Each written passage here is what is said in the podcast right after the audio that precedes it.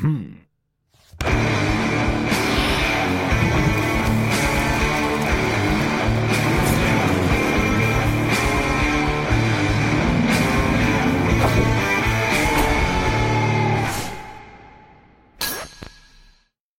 Strašno se radujem uh, početku ovog razgovora i u ovom razgovoru uopšte, zato što od trenutka kada sam čuo prvi put za tebe, pa kad sam te upoznao, ostavio si toliko snažan utisak i vrlo verovatno si jedan od najživopisnijih i naj a, ovaj, najautentičnijih karaktera koje sam u životu upoznao.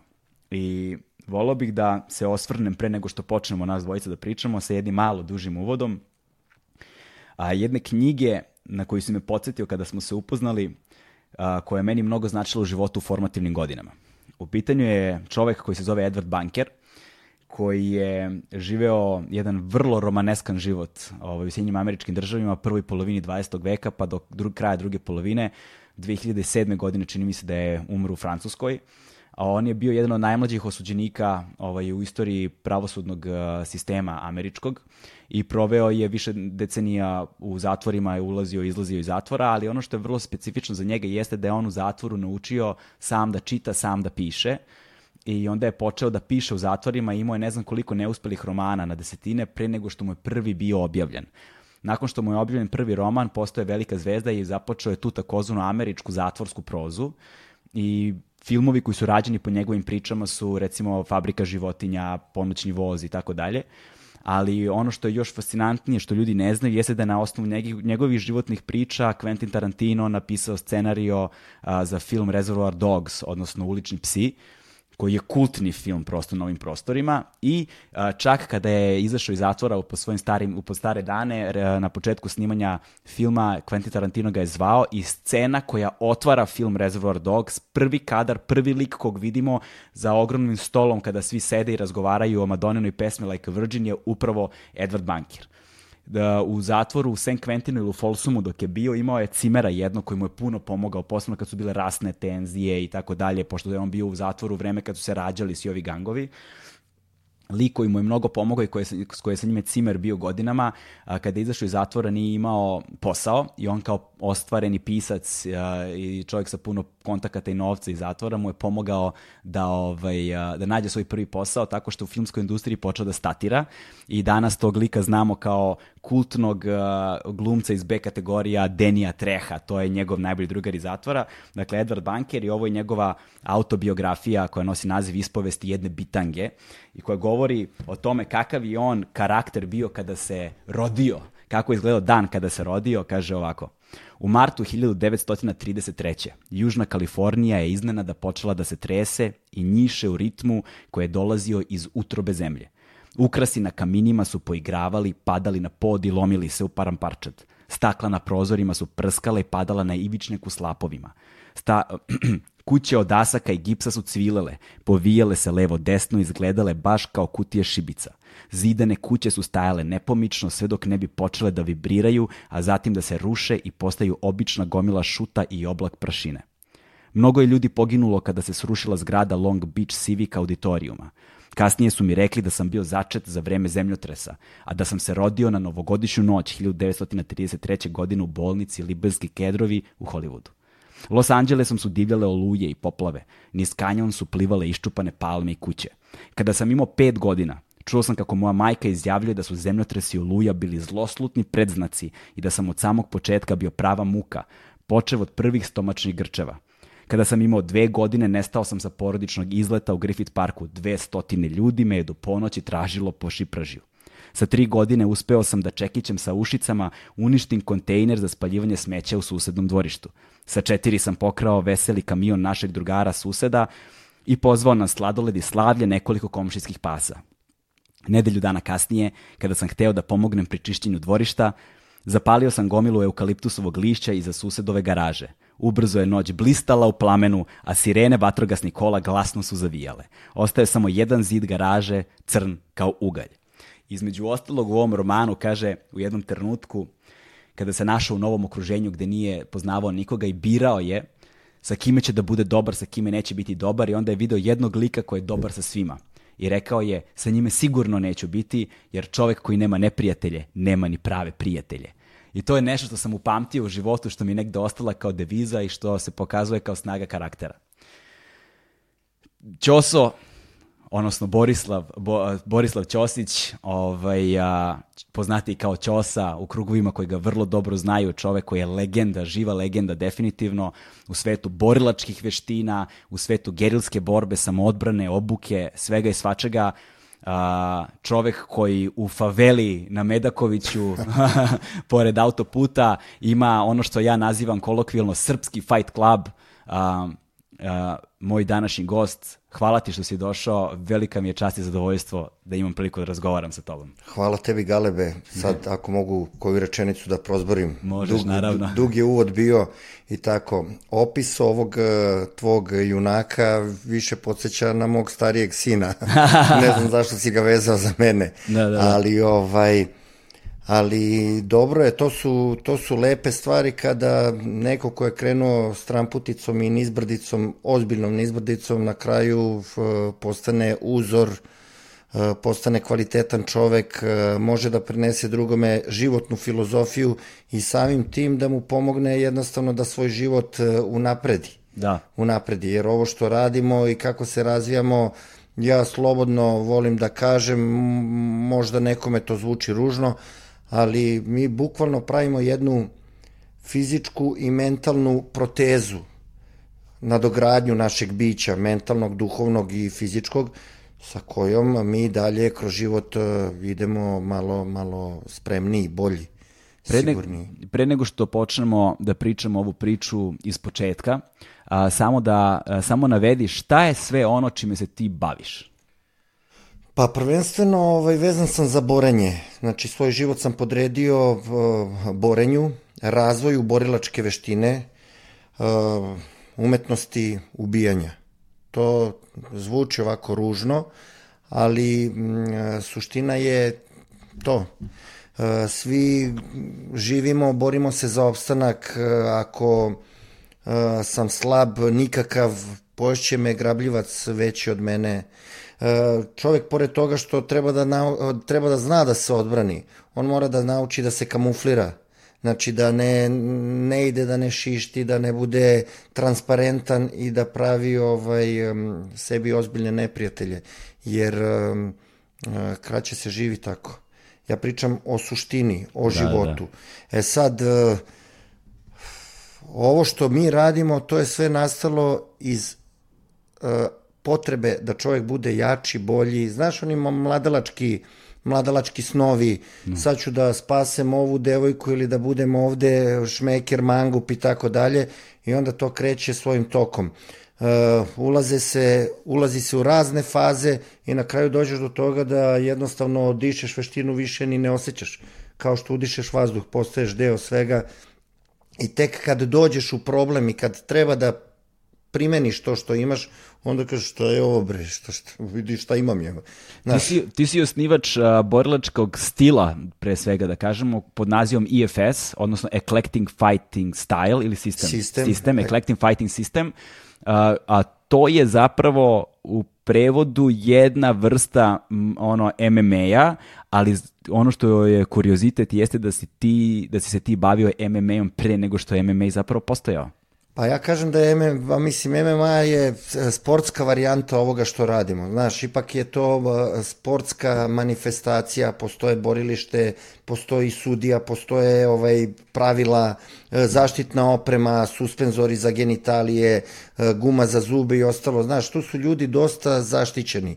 I ne kažem ništa, naravno, ima, imamo ozbiljnu um, ozbiljan upliv i u, u, u tim vodama, znači počeci MMA ovde su isto vezani ovaj e, za nas. Da. Uh, ja sam bio i selektor M1 selekcije preko Saše Vulovića iz Kragujevca, čovjek koji je bio glavni menadžer ovde za Srbiju i Hrvatsku. Ovaj, uh, bio je glavni menadžer M1 uh, organizacije koja je danas isto poznata. Do, do duše danas ne znam šta se dešava s njima jer sam ja iz toga skroz izašao, ali onako što mogu sa strane da ukačim ovaj to je to je to. Hoćeš da kažeš da kod tebe nema zaštitne opreme? Ne, ne, mi se čuvamo, pazimo se, kod mene kad ulaze u sparing e, na testovima, samo prvi put, prva dva minuta stave rukavice, posle toga su borbe golim rukama. To si ti mogao da vidiš i ovaj kolege tvoje, ne. a ovaj a, druga stvar je što mi to jako lepo kontrolišemo. Jako vodimo računa o tome da sačuvamo prijatelja. Druga, taj naš prijatelj služi nama, da se mi razvijemo. Ja služim njemu, on služi meni. Ako ga povredim, nema ko da radi sa mnom. Da. Hajde onda da počnemo ovu priču iz početka. Gde počinje zapravo tvoja životna priča u suštini? Pa moja životna priča, ja sam kao i svi ostali klinci bio ono i nestašan i drveće i ulica i trotoar i klikeri i tapke i sve ono normalno. Ne. Dok uh, u jednom trenutku onako malo će ovaj, čudno zvučati i smešno, klinac sam bio, imao sam 14 godina, počeo je ovaj pubertet da me hvata i kupim neki časopis Tajne ninđi to je ovaj, četiri, pet brojeva izašlo i prestalo je da se to ovaj, više štampa. Uh, ja sam bio fasciniran, gotovo kupljen, oduševljen, ni, ninja ovo, ninja ono, pa mi je smetalo što ih zovu ninja, jer to su ninje. Mm -hmm. I, ovaj, I onda sam ja ulazio duboko u njihovu filozofiju, u njihovu ovaj, strategiju, taktiku borenja, ali i dalje ništa nisam znao o borenju pošto sam tada živeo na Zvezdari, ja sam rekao, ajde da, pošto se već toliko palim na to kao ninja, mm -hmm. ajde da ovaj, idem da treniram nešto. Odem u sportski centar Vračar gore, vidim karate mi nešto je bio slab za ninja. Rekao, vidim gore kung fu. Nenad Dročkomanović je držao Wing Chun i Jeet Kune Do. Vidim neke visoke šuteve, radi čovek iz okreta ovako, onako. I ako klinac normalno ono uđem u salu, upišem se na trening i počnem da radim. Sa 14 godina? Sa 14 godina. E sad, meni to nije bilo dovoljno, imam sestru koja je mlađa 5 godina od mene. I ovaj, ja nisam znao kako to uopšte funkcioniše, kakav je to svet. Uh, nju upišem na karate, da bi posle godinu dana vežbanja, da bismo se ona i ja pobili i da vidimo šta je bolje, da li kung fu ili karate. Da, da, da. Ja uopšte nisam uzimao u obzir ni godine, ni um, pol. Mm -hmm. Jednostavno sam mislio to je to. I tako je krenula moja avantura. Uh, kad sam ušao u salu i kad sam video kako ljudi rade borenje, rekao sam, Bože, samo da dođem do ovog nivoa i ovaj, prestaću da treniram, ne moram više da treniram. Uh, vrlo brzo, posle jednog godinu i po dana, sam ja već došao do tog nekog nivoa koji je meni izgledao ovaj, spektakularno. Ne, ne, nemoguće kada si počinio. Tako je, da. Vrlo brzo. Međutim, ja ništa nisam osjećao. I dalje sam se osjećao jadno, i dalje sam se osjećao kao neznalica i tek su me tad počeli da hvataju strahovi. Jer sam a, tada shvatio da u stvari ja ništa ne znam i o, potrošio sam vreme i energiju i sve dalje sam jedna neznalica. I samo da ovaj se vratim na da, da. početak, ali ću reći nešto što uh, će sutra završiti priču. Ja nisam znao tada da ću ja zadržati mentalitet večitog početnika. Da ću i dan danas da se osjećam kao neznalica. Bez obzira što se 33 godine bavim borenjem, ja i dan danas se osjećam kao početnik i imam početničke strahove kad su u pitanju sukobi, bez obzira što mi ne usporavaju korak, strahovi. Znači, uh, i dalje se osjećam isto. I tek kad uđem u sukob, shvatim šta imam. I to je fantastična stvar da sačuva čoveka, da, da sačuva jedno ljudsko biće, jer bi ulazi u probleme koji, ovaj, iz kojih nema, nema povratka. Znate, kad čovjek ne zna šta će sa budalom da uradi, na kraju će da uzme pišto da, ga, da, da, da je da. ubije. Da. Tako.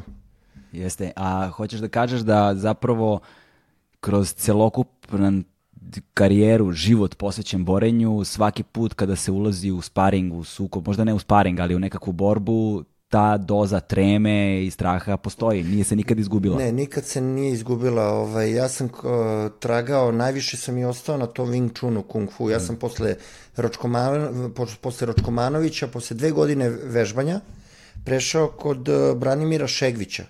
On je čovek prvo doneo Kung Fu u Jugoslaviju, bivšu. Kojim godinama mi to govorimo sada? Ja govorim sada o 86. godini, pa kasnije 88. prelazim kod Branimira Šegvića. Opet je čovek doneo Wing Chun po živoj legendi borenja um, William Cheung. Gledao si sigurno Yip Mana. Da, da, da. Yip Man je taj naš kung fu pradeda, kako ja volim da kažem.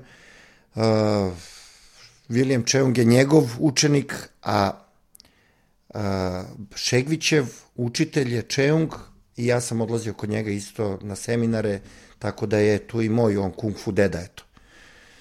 Tvoj razvojni put je u velikoj meri išao jednim vrlo neklasičnim i netradicionalnim putem razvoja, pošto postoji veliki broj stručnjaka, postoji veliki broj specijalista, postoji veliki broj a, i škola i klubova i ovoga i onoga koji se bave specializovano jednom stvari ili možda dve, tri. Evo sada u vreme MMA imamo i kombinovane jel te, klubove koji se bave svime i svačime.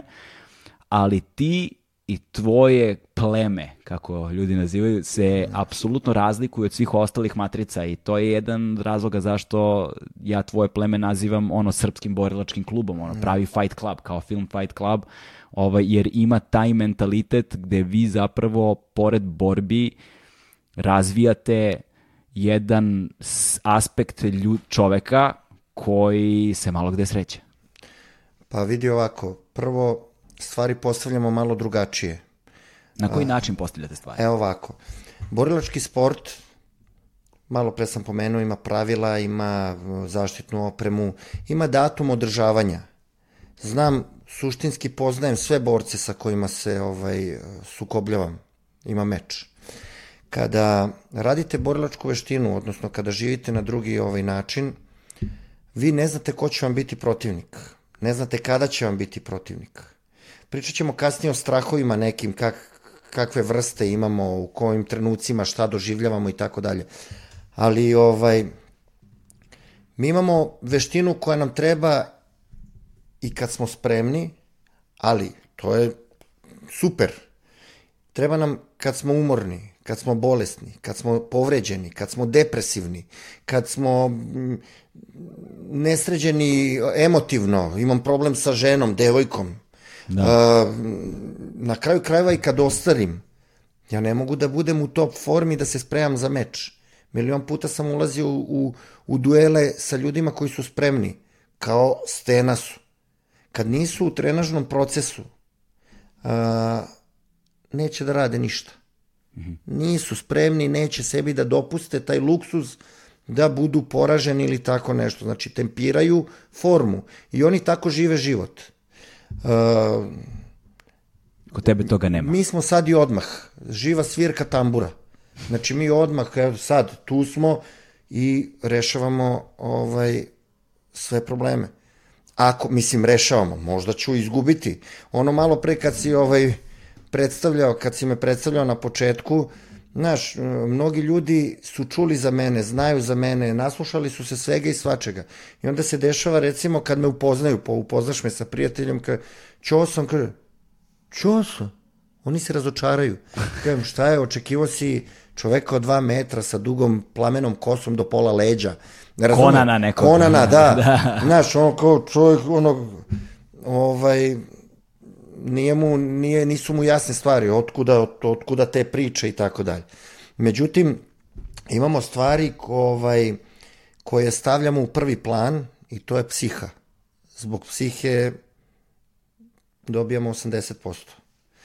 Na koji način stavljate psihu u prvi plan? To je sada zanimljivo. Pa je ovako, ja ću se opet vratiti na život. Da. Uh, nije život sala borilačka. Znači, ljudi mešaju život i trening. E, nekada su ljudi trenirali da bi sigurnije živeli, bolje živeli. A danas ljudi žive da bi trenirali. E, zamenili su teze. E, nekada sam se bavio borenjem da bi zaštitio porodicu, kuću i tako dalje, da bi bio sigurniji, što ja radim i dan danas. Imam drugačije stavove, drugačije razgovaram sa ljudima, drugačije rešavam probleme u školi, dečijoj, e, u porodici, na ulici. Znači, nisam puki sportista koji čeka instrukcije šta, kad, kako i čeka datum kad će da uradi meč. Znači, e, imao sam takmičarsku karijeru i radio sam pankration, to je preteča, to je u drevnoj Grčkoj bio, bila glavna poslastica. Mm -hmm. To je preteča MMA. Još se radio mnogo surovije, sa otvorenim šakama, moglo je da se grebe, da se kopaju oči, da se šutiraju genitalije i tako dalje. Ovaj, radio sam wushu kung fu, radio sam brazilski jiu-jitsu. Uh, svaki put mi je psiha pomagala da izađem kao pobednik. Uh, radio sam razne stvari, recimo uvek sam sebi stavljao zid iza leđa, da ne mogu da se povučem. I nekako sam uvek, kad sam imao i te fair tuče i tako dalje, uvek mi nekako učitelj je lebdeo ovde. Ja sam mislio da sam nepobediv. Sva sreća što mi nije naleteo neko spreman kao što su danas momci spremni i tako dalje. Znači imao sam sreće, da ne misliš ja. da ja pričam sad ja sam dasa ovo ono. E, potrošio sam dosta sreće i to mi je pomoglo da to iskustvo sada prenosim drugima. Znaš, tako da um, što se tiče psihe, odem na meč gde radim meč sa 10 kila težim čovekom, kad se pozdravim sa njim ovako, da se upoznam, ja moram da odem u WC od straha da se i, ispraznim, znaš. Da, da. Jer ovaj, stvarno imam strah. Ali sam doveo pola familije da gleda tu. I ja mogu samo da poginem. Tako? Da. Zamisli da ono, da, na, znaš, kad god sam imao sukobe, nikad nisam bio sam, uvek sam imao svedoka, nikad ne pričam neke priče izmišljene. I što kažem ovim ljudima koji rade samoodbranu, pa neće predator nikad da, da, da dođe sam ili da bude iste konstitucije kao ti. Ili će da bude mnogo veći ili će ih biti više. A on neće da napadne nekoga, iako je biljojed, može da ga povredi. Da. Znači, neće da dira ako nije 100% siguran da će da, da ga, da ga uzme. Da, ali isto tako postoji za psihu jedna vrlo zanimljiva stvar. Kaže, nikada nećeš u prirodi vidjeti zver da sažaljava samu sebe. Tako je, tako je. Pa vidi, ima i postoji još jedna stvar koju, koju ja, ovaj, koju ja učim, ovaj, koju ja podučavam ljude. Um, da bi bio dobar i efikasan borac, moraš da imaš malo zla u sebi. Moraš da imaš malo želje da ga ubiješ. Ako nemaš želju ili ako si čist, dobar, onako, nisi bezobrazan, e, ne možeš da budeš dovoljno efikasan. Znači moraš da budeš đubre, da imaš uh, želju da ga ubiješ. E sad, ljudi te gledaju ono kao što priča čovjek i ostalo. To je sad taj psihološki aspekt. Što bolje da imam, a da mi ne zatreba, nego kad mi zatreba da ga nemam. Istina. Znaš? To mi se misli, mislim da je Jung govorio o tome šta je definicija dobrog čoveka. Ovaj, postoji, postoje ljudi koji se ponašaju dobro, ali koji ne znaju da se ponašaju loše. Znači, ali ti ljudi nisu nužno dobri, jer njihova dobrota i njihova nužnost, oni ne umeju drugačije. Što znači da nisu postali dobri poučeni svojim iskustvom tako nego svoje prirode. Tako Ali prava definicija dobrog čoveka je čovek koji spozna zlu stranu sve, sebe, koji spozna tako sve je. oportunističke, pragmatične, one koji pozna zver u sebi. Tako je, demona, ja kad zovem, demona, nazivam demonom. A onda uprko s tim demonima odluči da se ponaša dobro. Tako je. To je definicija dobrog čoveka koji zna mračnu stranu sebe, ali bez obzira na to želi da bude dobar. Tako je, o tome pričamo upravo, jer ne. ovaj, ja m, volim da ljudima pričamo o demonu, o demonima u njima, način na koji treba da nahrne demona, da bi bio normalan čovek, da bi racionalno razmišljao i tako dalje. E, možemo mnoge stvari da a, a, objašnjavamo nekim pubertetom i ovo i ono. A šta se dešava kad čovek ostane u istoj priči posle 25. 6. godine? Znaš, e, čovek e, treba da zna isto gde je sačuvan, gde ga je ruka uzela i pomerila i da to ovaj, poštuje, da bude zahvalan zbog toga. Jer ako to nisi shvatio, sledeći put neće imati ko da te izvuče. I kada ljudi shvate to, počnu drugačije da žive. Znaš, ne, ne, kako, kako kaže, koga zmija ujede i Ja. u jogurt duva. Tako. to, to, Znaš, to, to. ono, ne mogu- Koga zmije jednom ujede gustera Tako, se plaši. tako je, tako da. je. Mleko peče, da. Tako je, tako je, tako. Dobro, ovaj, to je to. E, otuda je nama psiha na prvom mestu. Znaš, e, mnogo stvari, e, mnogo e, pažnje obraćamo na strah i na hrabrost, da se vidi šta je šta. Druga stvar, zbog te hrabrosti, zbog tog straha sam ja na kraju krajeva i bio ostao u borenju. Znaš, postoji jedan sistem koji sam ja a, razvio, mislim, nije originalan, kao što ništa što radim nije originalno. Ljudi misle da je to moj stil i ti si me tako i najavio. Da. Eklektički pristup uopšte nije originalan. On ti je uzeo najbolje elemente određenih sistema koji mogu da se uh, uklope u jednu celinu, znači principijalno da se uklope. E sad šta je problem? Ja u vreme kad sam otvarao klub pre 20 i kusur godina, ja nisam znao da reč eklektik uopšte postoji. Tu mi je jedan načitani drugar pomogao, jer kad sam hteo da ovaj, otvorim klub, znaš, ono, radim judo, radim Wing Chun, boks, sve to od 86. 94. ne znam, o- 80, eh, 96. Znaš, ja kažem, čovječe, sad bi radio nešto, ali, ali nije, to nije boks, jer ima svega i svačega. Pa nije ni Wing Chun, jer ima svega i svačega. Nije ni, ni judo, ima svega i svačega. On kaže, pa nazovi ga eklektički, kaže, borilački sistem. Ja kažem, pa kako, ovaj, šta je eklektički? Kaže, pa to su ti uzeti najbolji elementi, bla, bla, bla. Imao sam sreće što sam ga poznavao da, me edukuje u tom trenutku. Uh, ja samo predajem moju interpretaciju borenja. Moju interpretaciju školskog oblika koji sam ja naučio. A da, zanima me sada, s obzirom na ono što si govorio malo pre, da li postoji način na koji kada neko dođe kod tebe, ti skeniraš osobu, proceniš ga, na koji, da, da, da ih testiraš, da ih ispituješ, da im se nalaze te granice straha, hrabrosti, Vidi, ili to- možda čak i neke vaspitne mere ukoliko Naravno. problem sa određenim načinom Sve to ponašanja. postoji, sve to što pričaš postoji. E sada, u zavisnosti od toga gde, zašto se čovek opredelio. Ako se opredelio da radi IFS kao veštinu od početka do kraja, od prvog do 12. ranga, on treba da posveti jedno šest godina sebi, da se okrene ka tome i ka sebi i da ulaže šest godina u sebe. Šest godina kad kažeš sada zvuči dugo, ali nije, to brzo prođe zato što stvarno ništa nije dosadno, sve je šareno, um, Kakvi su to rangovi? pa to 12 su ti rangova? nivoji, to ti je gradacija. Znači, Šta je kreneš, prvi rang, a šta je 12? dva, prvi rang ti je početnički rang koji ovaj te uči da hodaš, da osnovne pokrete, osnovne blokove, odnos prema protivniku razvijaš, osnovne udarce da učiš i tako dalje. 12. rang je isto što i prvi, samo 12 puta bolje. Da, Mislim, ljudi misle da ja radim druge stvari. Veština cela ti se nalazi u prva 3-4 ranga.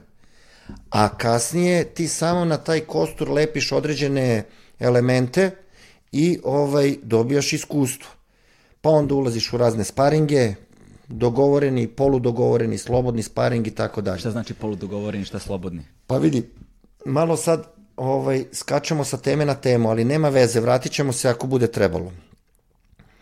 Ljudi dođu na trening, nauče tri udarca, budu nestrpljivi i kako kažu, strpljenje je gorko, ali su mu plodovi slatki, znaš. Da, da. Ja nikad nisam bio strpljiv, nikada, i uvek sam se tresu i kači, kači, kači, dok nije se otvorilo, što kaže moj učitelj, ona, naj, ona najveća vrata su se otvorila. Tad sam dobio veštinu, u stvari, tada mi je proradila veština. E tada se osjećaš kao supermen, kao da si sleteo s druge planete, među obične ljude, radiš sve i samo čačkaš, napadaš ovog, napadaš onog, svađaš se, pretiš, iz, izazove imaš, uh, fair tuči i tako dalje. E, onda kada prođe vreme, ti se polako navikavaš na te stvari. I, pardon, i ovaj, onda ti to postaje opet normalno. Samo po, počinješ da, da izlaziš iz priče. E, više te to ne uzbuđuje. E sad, počeli smo da pričamo o e, psihi, jel tako? Tako je. Malo pre. O strahovima. O strahovima, tako je. Znači, ti moraš da budeš strpljiv. Čovjek dođe da vežba, nauči tri udarca, hoće odmah sparing. Sparing ti je slobodni sparing. ti je najbolji način da pokvariš svu tehniku koju si učio. U sparing treba čovek da ulazi bez trauma, a ne dođe ono, dođe čovek trenira boks, kada dođe, aj galebe, dođe da vidimo kakav si, ajde oderi ga, ovaj te uništi. Ti se okreneš i odeš, više nikad ne uđeš u salu. Da. A recimo mogao si da budeš svetski prvak. To nije nanjušio tvoj trener. Da, da, da. Nije nanjušio, pustio kao, a ko izdrži one to, da. Ima toliko ljudi koji su ono sa traumama za, završili i mogli su da budu stvarno ozbiljni, ozbiljni borci. E sad, ja to ne dozvoljavam. Dve godine te spremam za sukob. Dve godine vežbaš, dve godine gledaš druge, dve godine probaš neke E, slobodne varijante koje su jako ograničene. To je taj polu kontroli, kontrolisani. To da. kontrolisani, uđeš malo u rvački odnos, taj greplerski odnos, mm -hmm. gde ne može niko da te povredi, možeš uvek agoniju da otkloniš nekim tapkanjem. Mm -hmm. Kažem, da, da, stop da, da. i ti staneš, razumeš? Kad radimo udarački time udariš, džaba mi je što, što si me, ovaj, što sam lupio, šta udaram posle udarca. Da, da, da. da tako. Sigurnije e, uvek da te neko malo davi nego da te udari. Je, tako je. Udarite jednom i gotovo. Povredi, ne? polomi ti rebra, da. šutnete po genitalijama, napadne ti nerve, da. vilica, nos, mislim, nije prijatno, znaš. Da. Drugo, dolaze ljudi, lekari, inženjeri, profesori, znaš, direktori raznih institucija, znaš, malo je glupo da, da, da dođe sa... Tako, dešavalo se to. Da, da. Kaže, kao, Dejane, pa vi se bijete, kao, pa kao bijem, što radite tamo? Znaš, tako da, ovaj, suštinski to je to. I sad, on dođe i kaže, možemo malo sparing, ma, ajde, vidi na što to liči, kao da ste na pijaci. Uh, ja kažem ovako, ljudi, polako, sparing je jedno, tuča je drugo. Sparing služi da ti razvija atribute, kao što je distanca mm -hmm.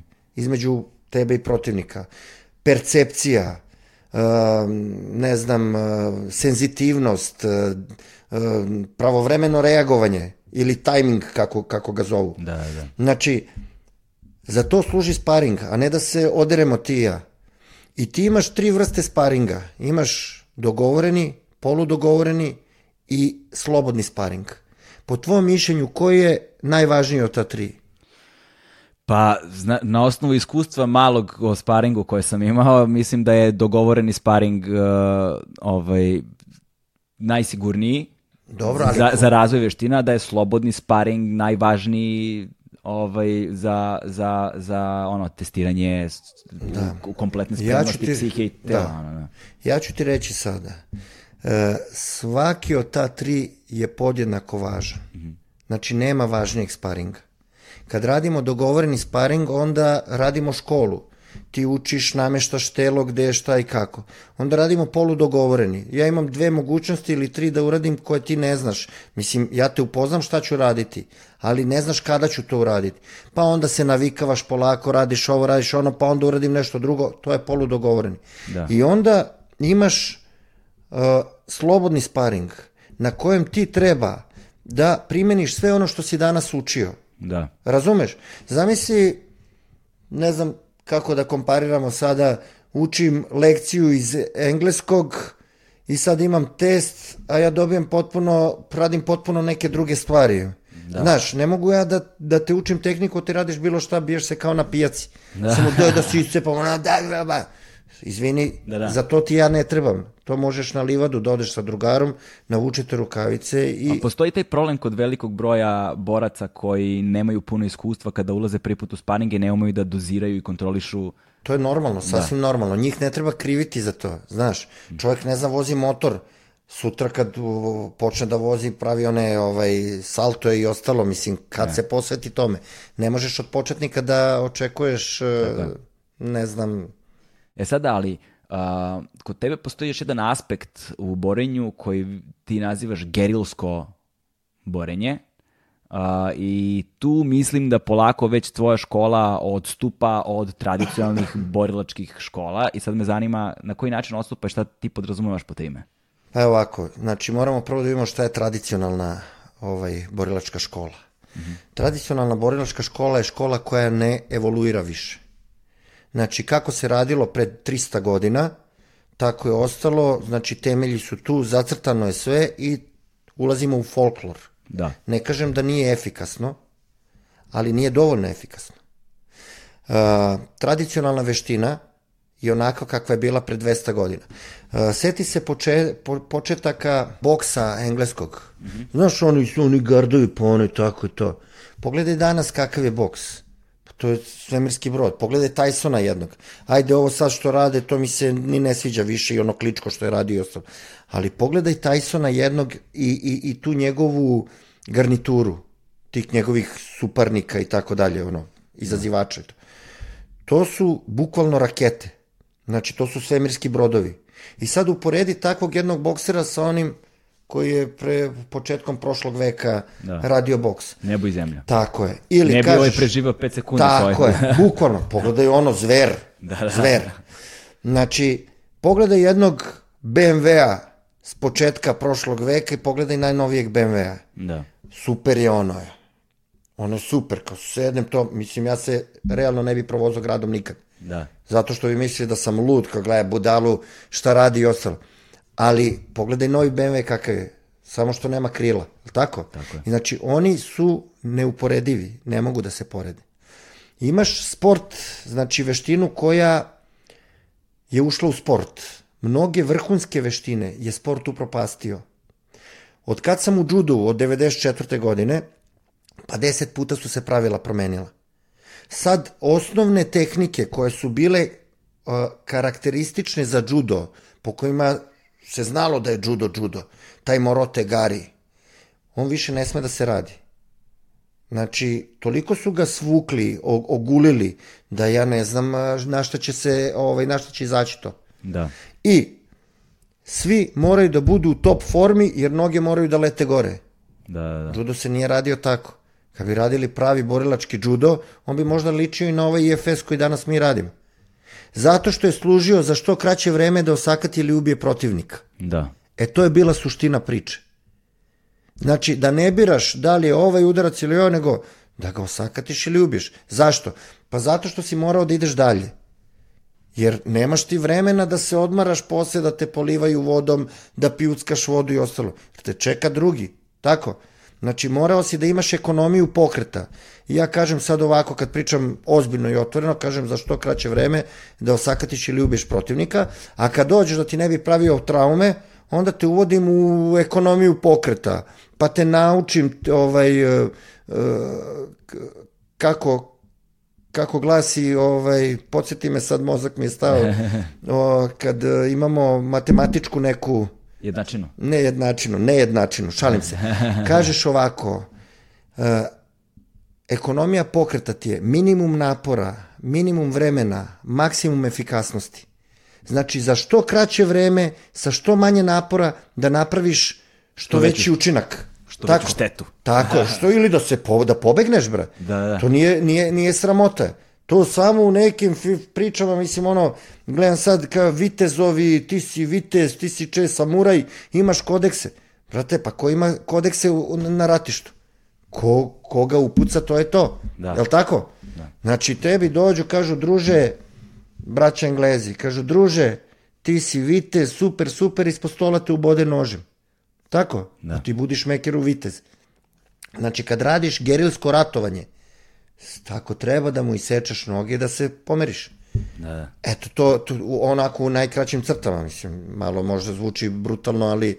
Ali zapravo ima velika doza istine u svemu tome. Zaboravim nekada da snimamo uopšte, da. znaš, znaš, i onda se opustim. Do, ali kažem ti, um, stvar, je u to, stvar je u tome da zapravo tvoje gerilsko uh, borenje se razlikuje od tradicionalnog uh, ne samo po tome da ono predstavlja najefikasniji, ono, ono što je trenutno najsavršeniji vid određene borilačke veštine ili kombinacije različitih borilačkih veština, nego ti imaš u tome jednu dozu realnosti u životne, za koju čovek, odnosno borac, treba da bude spreman. Na primjer, popio si dva pića u klubu, napala te petorica u separeu. Ne dva, nego dvanaest.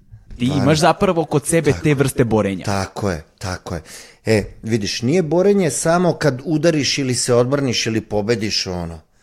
Ti malo treba da, da, da učiš da pobeđuješ i sebe. Znaš, kad smo bili klinci, ono, pa se napijemo, pa idemo kao da se bijemo, pa ja do njega tri puta padnem ima. Da. Čemu služi to? Tako? Pa ne moram ni da se bije, ne moram ni da se bije sa mnom, dovoljno je da me gurne. Realno. Tako je. E to iskustvo te recimo nauči da kad si pijan sada budeš veseo. Nema, nema mrštenja, sad ću da ti ovo ono i ostalo, znaš kako se, šta se dešava. Znači. Da. Jel postoji Već- način na koji učiš svoje momke da to... Pa naravno. Na koji način to radiš? Gledaj, mi radimo, mi učimo život u stvari. A direkt taj kung fu, odnosno ja ga zovem kung fu, pošto je ceo život kung fu, ono, velika gužva u kineskoj četvrti.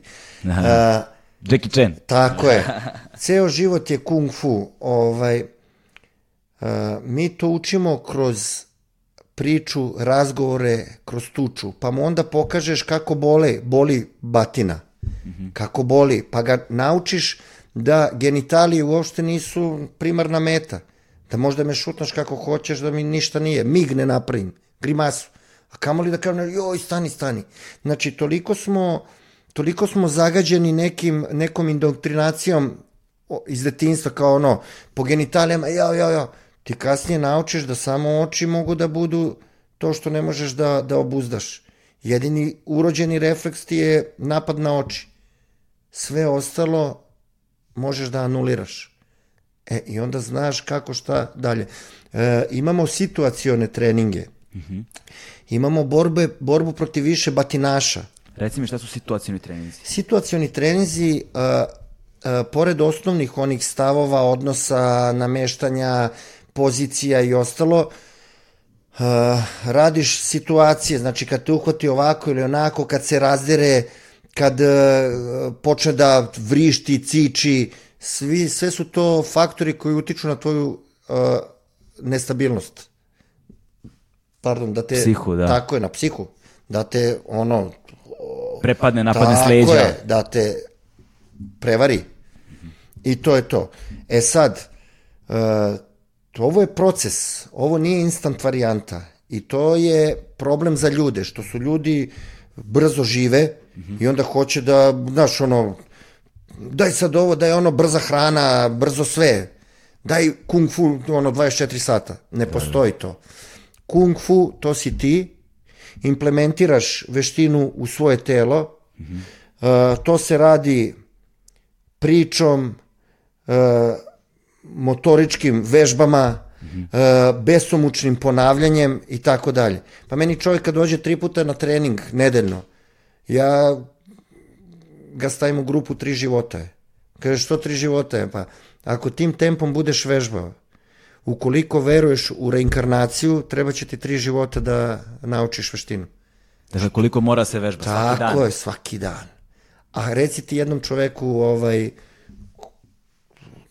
danas koji se bavi ovim, koji živi ovaj život naš, Da. ovaj, reci ti njemu sad, eh, treba treniraš svaki dan, daj brate, pa ću malo se družim, ću malo ovo, malo ono. Kako izgleda onda, šta si posle toga rekao, da postoji situacija sa više napadača?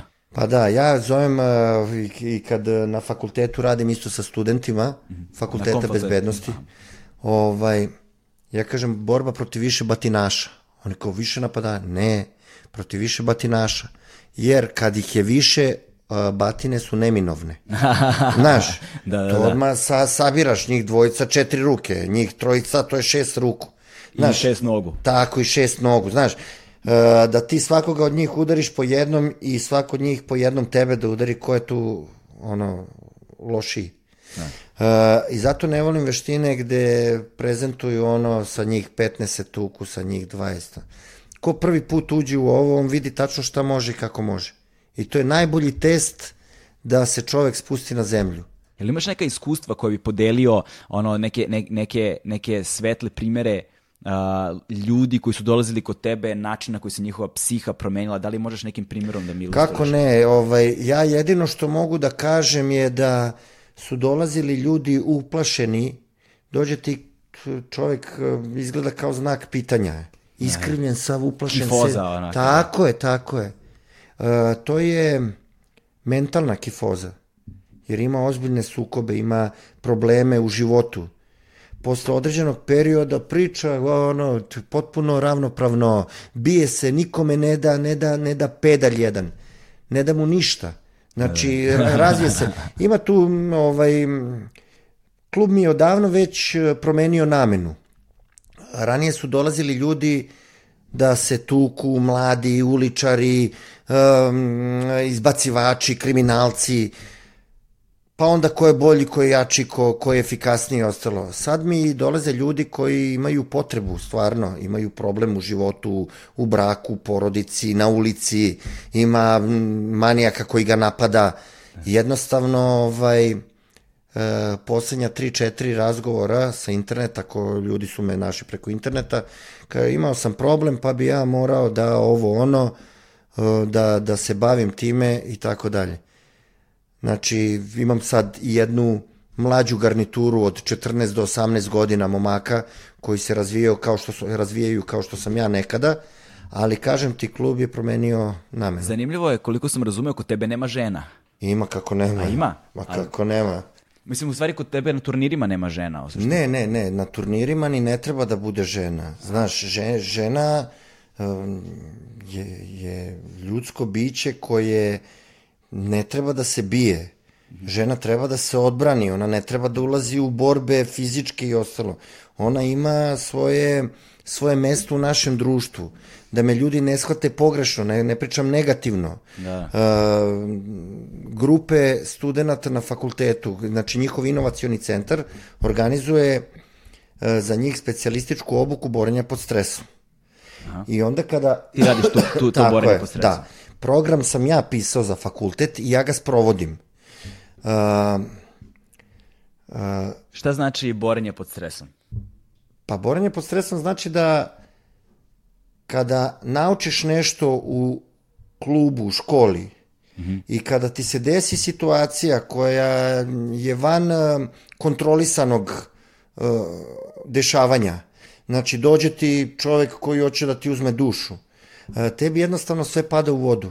Ti se preispituješ, odjednom si slab, teške ti noge, teške ti ruke, gledaš, ne znaš šta, ne smeš ni da kreneš. Povraća ti se mučina u stomaku. A dobro, ne znam baš do toga nikad nisam da. dolazio, ali ovo što sam na, nabrojao malo pre, to, to da. mi se dešavalo. E vidiš, taj stres fighting tebe nauči da ti funkcionišeš pod svim tim stresom i da budeš efikasan. I vratit ćemo se na žene i sve mm. to, da ne bude da smo preskočili, a nismo objasnili. Ovaj, ti jednostavno naučiš da funkcionišeš onako kako si školovan. Da ne bude ono i pod strahom ideš dalje da budeš efikasan. To zaista funkcioniše? Zaista funkcioniše. To je jedna od stvari koja mene ovaj, zadržala na borenju. Ja sam htio da budem bez straha. Znaš, ono, vidiš dva mangupa na ulici ko, koji poznati, koji se biju, tebi se smrznu noge, ono, nogavice ti se tresu. Da. Razumeš? A nisi uopšte tu. Znači, nisi sa njima, nisi među njima. Da. Te, pa znaš kako je bilo kad treba da se pobijem, pa se završi tuča, pa se ovako tresem, ne znam šta je. To je sve stres, adrenalin i to je potpuno normalna stvar, ali ja to tada nisam znao. Da, da, da. E sad, samo da se vratimo na žene, pa ćemo da, doći jasno, ove. Vidi, što se žena tiče, kada imamo mešovite grupe, ti na tim grupama vidiš da su žene i disciplinovanije, i upornije, i prisutnije, mentalno, tu su prisutne, i agresivnije od muškaraca. Znači, sve rade bolje, samo što su fizički slabije i možda na udarce manje otporne. Razumeš? I to je njihov problem.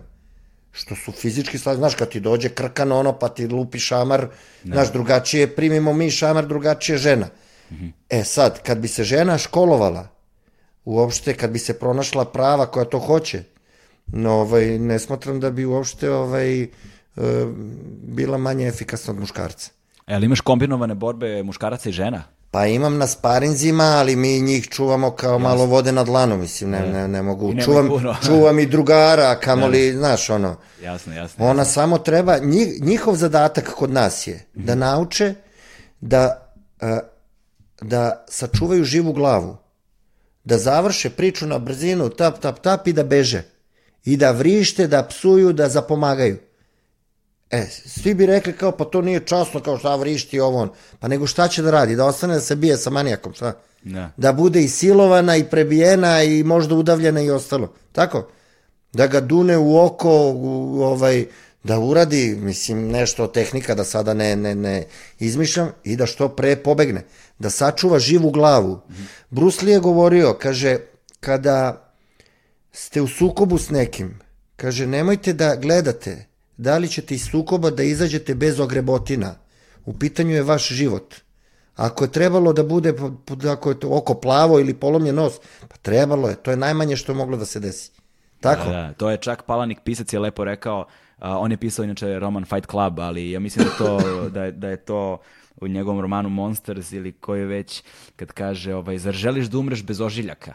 A. To, i onda i onda kaže i onda kaže nemamo ožiljke da pamtimo srećne trenutke. Mm -hmm. Učimo tako malo iz blagostanja. Tako je, tako ne. je. Tako je. Pa auto mi je, hauba mi je slupana, malo nagnjačena gore. Kažem drugaru jednom iz Red Bulla, Aha. Đoletu jedno, možda ga i poznaješ. Da, da. Kažem, moram samo zamenim haubu. On kaže, pa što da menjaš čoske, onako ležeran tipa. Što da menjaš čoske, kaže, to ti je, ovaj, kaže, kao ožiljci na muškarcu. Kaže, ovaj, kakve veze ima? Kažem, brate, u pravu si je. Nikad nisam zamenio, eno je hauba i dalje. šta ćeš, razumeš, opet ću da je slupam. E sada, to borenje pod stresom uh, i ta obuka žena i dalje uh, kod tebe postoje i jednom mesečno beše turniri uh, spremnosti ono na 12 nivoa, ali tako nešto, koliko sam ja, nisam baš najbolje razumeo. Možda... Ne, evo sad ću ti objasniti. Da. Mi imamo testiranja dva puta godišnje. Mm -hmm. uh, najbliža subota 16. novembru da. i najbliža subota 6. maju. Mm -hmm. To je otprilike negde polovina, eto. Da. Uh, za to se spremamo, treniramo cele godine i onda imamo grudvanje. Mi to Aha. zovemo ono pršte slane kokice. Znači, ja govorim da ti na IFS-u imaš tri početka. Imaš prvi početak kad se upišeš u klub i počneš da vežbaš te dve godine kad te spremam da uđeš u vatreno krštenje.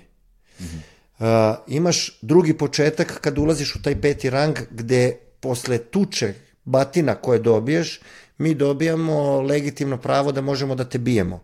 Da te ne štedimo više kao uh, početnika, nego si dobio pravo da uđeš u, u grupu i sad te više ne štedimo kao početnika. I imaš treći početak koji ovaj a, se dešava kada ti dobijaš 12. rang, postaješ dva, zvanični IFS-ov instruktor, najviši rang i ovaj kažu kako je početak. Pa početak, zato što si tada dobio tek temelje veštine. I dalje moraš da se razvijaš. Ako to ostaviš, staviš ga u podrum, na terasu, u, na tavan, u špajz. Zapustit će se. Tako je, kao i sve ostalo, tako. Kada sam položio za deseti rang u Wing Chunu, tada je bio najviši rang tada, ovaj, moj učitelj je rekao, imao sam 24 godine, 23. Kaže, tek uh, ako od današnjeg dana, tek za 10 do 15 godina, ukoliko budeš nastavio da se baviš ovime, možeš sebe smatrati majstorom. Kažem, ti kako majstorom, pa ja sam Sifu sada je. Znaš, da. e, tamo 2009. mojim instruktorima, kažem učenicama, e, sad sam pravi majstor tek. Mm -hmm. 2009. Znaš, prošlo je 15 godina od trenutka kada mi je učitelj ovaj, saopštio to. Jako sam se tada razočarao, jer mlad, ono, ne znaš ništa, kako bre, pa zar ja nisam sad Ne, moraš da radiš mnogo i kako ja volim da kažem ljudima koji su e, ne, nestabilni, nesigurni i ostalo. Imamo jednu našu mantru, mislim, možda nije to prava reč za, za ovo što ću reći, ali može tako da se nazove. Ja volim da kažem, uh, nužno je raditi mnogo, samopožetvovano i razumno. Nema tajni, tajna je u radu. Treba tražiti, grešiti, popravljati se, gubiti i dobijati. I najvažnije od svega verovati u sebe, da ti to možeš. Jer ti bez psihe, bez svesti, bez zdravog koncepta odnosa ne možeš sebe da razviješ. Da. Nemoj da fantaziraš da su tajne negde tamo u Pampukovcu ili u Kini ili ne znam gde. Tajne ne postoje. Da uzmeš pet različitih ljudi i staviš ih u pet krajeva, na pet različitih krajeva sveta i da se svi bave istom stvari, ne istom, da, da, nego da se, da istražuju istu priču, svi će doći do istog rezultata. Jer mi smo ljudska bića, pa borimo se od početka, od nastanka. Al tako? Da. Znači, ako se time baviš, ti ćeš pronaći put, 100%. E sada, što na tom putu treba kaže, idemo, hoćemo do onih vrata tamo, hoćemo. Ono, krenemo, pa padnemo odmah. No vidi prepreka, pa, pa, pa ustanemo opet, od, odmah sledeće. Ja kažem, ma ne mogu više, bre, padam, vidi koliko, nisam znao da je tako teško je. Da, da, da. Tako? Znači, prepreke imaš, imaš, moraš da tražiš, bre, da tražiš da kopaš. Moraš, moraš da gubiš, moraš da dobijaš. Batine, mislim, su normalna stvar. To je jedno pročišćenje, onako, ozbiljno. to je ono što ljudi ne kad, razumeju. Kad ne Bolo- osjećaš da te nešto boli, ne, ne znaš da si živ, evo. Da, ja sam imao to iskustvo kada sam se kačio na kuke neke, ovaj, snimao sam dokumentarni To sam film, gledao, da. da, dokumentarni film o suspenzijama i kačili smo se na kuke i onda me ljudi pitaju pa zašto to radiš, šta se tu doživi i tako dalje. Meni ostaje samo jedna e, rečenica u glavi koja, koja, koju ta devojka koja me, koja me kačila ima istetovirano ovako ovde. Ona na njoj piše ovako tetovaža, kaže bol oslobađa. Mm, istina. I toliko je velika istina to. I pritom, s druge strane, kada ti sebe staviš na fizičku granicu, a na granicama se nalaze motivi, ti zapravo tada otkrivaš velike istine o sebi. Tako je. Otkrivaš tako koje su tvoje slabosti Tako je. I staješ ono, gledaš u taj bezdan i onda taj bezdan pogleda nazad u tebe. Tako je. I Tako je. taj trenutak, prevazići to, to je trenutak kada se gradi karakter. Tako je, tako je. Pa ima to, ovaj, to sve ima veze sa psihom. I to maskiranje, ta gluma, znaš, ta, to borenje pod stresom u stvari jedan, uh, pardon, uh, jedan glumački koncept. Jer ti moraš da naučiš gde gledaš čoveka, kada gledaš, u kojim trenucima, zašto ga gledaš u oči, zašto ga gledaš u grudi. Znaš, da naučiš kada da se povučeš, uh, da naučiš da navučeš masku u koju ćeš da veruješ. Da. Znaš, ono, staneš ja ljudima, kažem, kad rade te psihološke ovaj, treninge, imaš ogledalo, u početku je tvoje ogledalo tvoj najbolji prijatelj. Da. Staneš, pa napraviš grimasu kad si ljut, kad si uplašen, kad si začuđen, kad si iznenađen, kada si veseo, znaš, jer ti moraš da mm, vidiš grimasu koju ti prepoznaš na, u ogledalu i kada tvoje lice dobije uh, taj oblik i dobiješ taj osjećaj, ti kad razgovaraš sa čovekom, onda mu kažeš, pa kad namestiš to, znaš da je to. Znači, ti se vežbaš u svim pravcima da glumiš, da ga kaže, uh, pitaju što gledamo u grudi. Pa kaže, ja ga pitam, pa dobro, a gde gledaš ti ka- kad se boriš, kad bi se borio, gde gledaš? U oči, kaže. Pa zašto u oči? Pa zato što vidim njegove namere. Ja kažem, pa vidi, u borenju, kad te gledam u oči, gledam te samo kad hoću da te slažem. Jer postoji gomila stvari, znači, zbog kojih borilački ne treba da se gleda čovjek u oči. Ja jesam mentalno jak, ali nisam mentalno najjači. I kad te gledam, možeš mentalno da me uništiš. Da, da me pokolebaš da ovo da ono. Kad te gledam u grudi, gledam jednu stvar, kao da se borim sa džakom. Znaš, e, ljudi e, ne mogu da, ne mogu da a, podele, da podele realnost od e, školskog oblika. Znaš, kad ti vidiš jednog kriminalca koji ima 10 godina robije, on možda ne može da potrči od bandere do bandere, ali kad te pogleda, druže, što bi rekao ja moj drugar, druže, pa ti izvuče dušu ovako pogledom, a ti se zalediš, džaba ti sve bre, džaba ti pištolj što držiš tu. Jel me razumeš? Da. I onda ti sprečavaš te odnose, tu konekciju, jer ti kad gledaš kako kaže oči, oči, duš, kako ogledalo Ogledalo duš, duš, da. tako, ti tražiš biće ljudsko, nisi ti ljudsko biće, biće unutra, tako, to Da. tražim ja. A kad ga nema, znaš ono što gleda dole, samo nešto, ne možeš da ga nađeš nigde. E, ti gledaš u grudi jer manji stres imaš, boriš se sa igračkom, tako, nema te konekcije i onda kad hoću da ga prevarim, onda ga pogledam u oči i prevarim ga. Znači, prva stvar koju kažem, pa ovo, znaš, kao borenje, to je plemenito, to je ovo, to je ono. Šta je plemenito? Kažem, čemu služi pištolj? Brzom i efikasnom ubijanju. Tako je. A čemu služi veština? brzom i efikasnom ubijanju. Tako je. Koja je glavna karakteristika pištolja? Ubojitost. Ubojitost. Kalibar.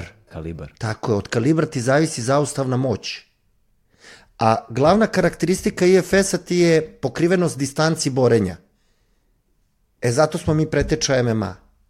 Što radimo borenje hladnim oružjem, palicom i nožem, što imamo dugu kickbox distancu, imamo boksersku distancu, imamo trapping distancu, bl- blisku distancu gde si u kontaktu sa čovekom, Klinč. imamo klinč, ne, to je malo, malo duže od klinča distanca. Za krošetama. Da, pokazat ću ti posle.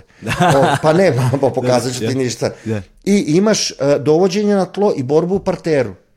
Znaš, svaka od tih distanci ima pregršt arsenala.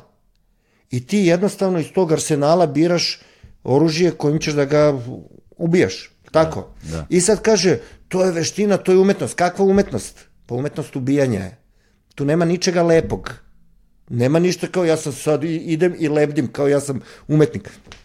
Znači jednostavno čovječe učiš da čoveku polomiš ruku na pet mesta, nogu isto tako, učiš da ga osakatiš ili ubiješ. E, to je suština priče, da čovek treba da bude svestan šta ima u rukama. A ne da kaže, ja treniram, da to je plemenito, je kaže, boks plemenita veština, gledao sam neki profesionalni meč uživo ovako, uh, 12 rundi po 3 minuta, čoveče, pa ja bi plako posle prve runde. Neliko udaraca da dobijem, majke mi moje. Znaš, ono, izašao bi, rekao bi ljudima, ajde bre, nije ni čudo što... Dosta mi ove da, imam plemenitosti. neke drugare, boksere, profesionalce koji ono jednu rundu i dosta uzme pare i ide dalje, baš ga briga što je izgubio. Da, da. Dosta mi je te plemenitosti. Tako je, kako je. Ono, ja kažem, kad stanu u vrstu, ja kažem, hvala vam što ste bili blagi i samo da znate da ovo ne može da radi normalan čovek. Da. I kažem, niko od vas nije normalan. Oni kao, aha, samo se vi smejte. Niko nije normalan od nas. Jer se bijemo i radimo stvari za, ko, koje za normalnog čoveka nisu normalne. Ali potrebno je ukrotiti te demone, oni koji ih imaju. Da, treba ih nahraniti, jer oni te prvo, oni te obuzimaju i zbog njih radiš stvari koje ti ovaj, možda suštinski ne bi ni radio. A kao što kažu stari ljudi, ako ne znaš šta je loše, ne možda znaš ni šta je dobro. Tako. E onda ulaziš u ove probleme, one probleme i tako dalje. Um, To je isto Jung je rekao, ukoliko ne osvestimo podsvesno, ono će kontrolisati naš život i nazivat ćemo ga sudbinom. tako je, tako je. E. E sada me zanima, možda otišao bih korak dalje, ovaj, vratit ćemo se na borbe naravno, vratit ćemo se na tvoj klub, ali ti pored borenja i pored borenja pod stresom i obuke koje radiš na fakultetu za bezbednost i tako dalje, ti E, si... nemoj tako da govoriš e, fakultet bezbednosti. A, fakultet Zato bezbednosti. što ovaj, ne vole kad se kaže A, za ne bezbednost. A, dobro, dobro. Jel dobro. jeste fakultet bezbednosti? Izvini. Fakultet bezbednosti je, do, dobro, Da. dobro, važno je da se znaju. Ne, nego će reći posle, ako neko bude gledao, nije, nije mu rekao, Aha, a mogao, nego ćuti i sluša ga kako greši. A, dobro, To. fakultet bezbednosti. Na fakultetu bezbednosti ispravio sam se. Da. A, ti zapravo takođe radiš još neke stvari, radio si obuke a, za, za, za jedinice, a, specijalne neke jedinice i takođe a, radiš a, obuku za telohranitelje. Da, evo ovako, bazirat ćemo se na obuci za telohranitelje, jer tu mogu da pričam sve, mogu da Ok. pričam svašta. Da. Postoje stvari... Specijalne jedinice ne, ono, to je vrlo... Pa dobro, to ni, ne, ne, ne treba. Evo ja ću ti objasniti prvo e, šta se dešava, e, kak, kakvi su moji pogledi na specijalne jedinice. Mhm. E, ti imaš neke razne tu kvizove, kvizove ili neka takmičenja ili neke reality showe Da? koji ovaj se nazivaju, nazivaju VIP-om. Znaš, i sad ti vidiš stvarno nemam ništa protiv tih ljudi, da ne misliš da blatim, znaš, ja volim da čujem kad sam raspoložen i Jeru Ojdanića i Mileta Kitića i tako dalje, znaš. On je VIP ličnost i on privlači ljude, ali on nije VIP ličnost, on je samo poznata ličnost. Da. I tako bi trebalo da se to reklamira. VIP ličnosti, veoma važne ličnosti, su ti policajci, vojnici, lekari, vaspitači, profesori, uh, ovaj, Ljudi od važnosti za društvo. tako je, vatrogasci, zamisli jedan vatrogasac čoveče koliko je to plemenit posao i koliko je, je on važna ličnost. Da. Spašava decu, tamo probija vrata, gasi ono što drži crevo i prska, to je samo jedan deo. Da. Gde što preskače preko krovova, što ide sa terase na terasu i ostalo. Gde su svi rizici koji nosi taj posao sa sobom? Tako je, bre. Dima i tako e, a dalje. gde znaš, za, kak, kad si čuo za njega? Koga, kog vatrogasca ti poznaješ? Imenom i prezimenom. Ako ti nije prijatelj. Da, imam tako? nekoliko prijatelja lično i Tako. osim toga ne. Tako je. I sad gledao sam, video sam neki, ovaj, ne, neki, neku fotografiju onako uređa, urađena u tom maniru. Vidiš Ronalda koji piše 50, recimo 500 miliona kao ko što on šutira loptu i to. I vidiš vatrogasca u ovaj, uniformi sa šlemom iznosi devojčicu ovako 500 evra je. Da. Razumeš li? Znaš, kad, tvoje, ovaj, kad ti klinci krenu u obdanište u školu i to, pa kad vidiš koliko su nezadovoljni vaspitači, profesori, znaš, profesori čekaju da ti vaspitaš kući dete i da ga pošalješ u školu vaspitanog. A on zaboravlja da je on pedagog. Da. Tako, Između da mi zajedno treba da vaspitavamo našu decu. Ja u, u- u dogovoru, u saradnji, jel tako? Znači, treba da ovaj da pošalješ dete u školu, da oni tebi pomognu i da ti pomogneš njima. Da. Tako. Tako je. Vidiš šta rade ljudima, čovječe rade od jutra do mraka, borba za egzistenciju. Ne vide decu, ne viđaju, ra, ra, rasturaju se porodice. Tako. Da. I, uh, dakle, da se vratimo sada na obuku za telohranitelje. Dobro. Da, i pošto smo pomenuli specijalne jedinice i telohranitelji, pa, sam nekako, pa smo nekako skrenuli. Tako je. Da. Evo vidi ovako, telohranitelji uh, su isto ozbiljni ljudi koji su podredili svoj život uh, zaštiti drugog života, tuđeg života. Obično kažu da telohranitelj prima metak umesto klijenta, štićene ličnosti, ali se ja ne slažem sa tim, jer ako on ne sačuva sebe, ne može ni štićenu ličnost da sačuva, ali tako? Tako je. I zato ih ja učim da budu sposobni, da budu racionalni, da sačuvaju svoje biće i da ovaj jednostavno najefikasnije završe svoj posao.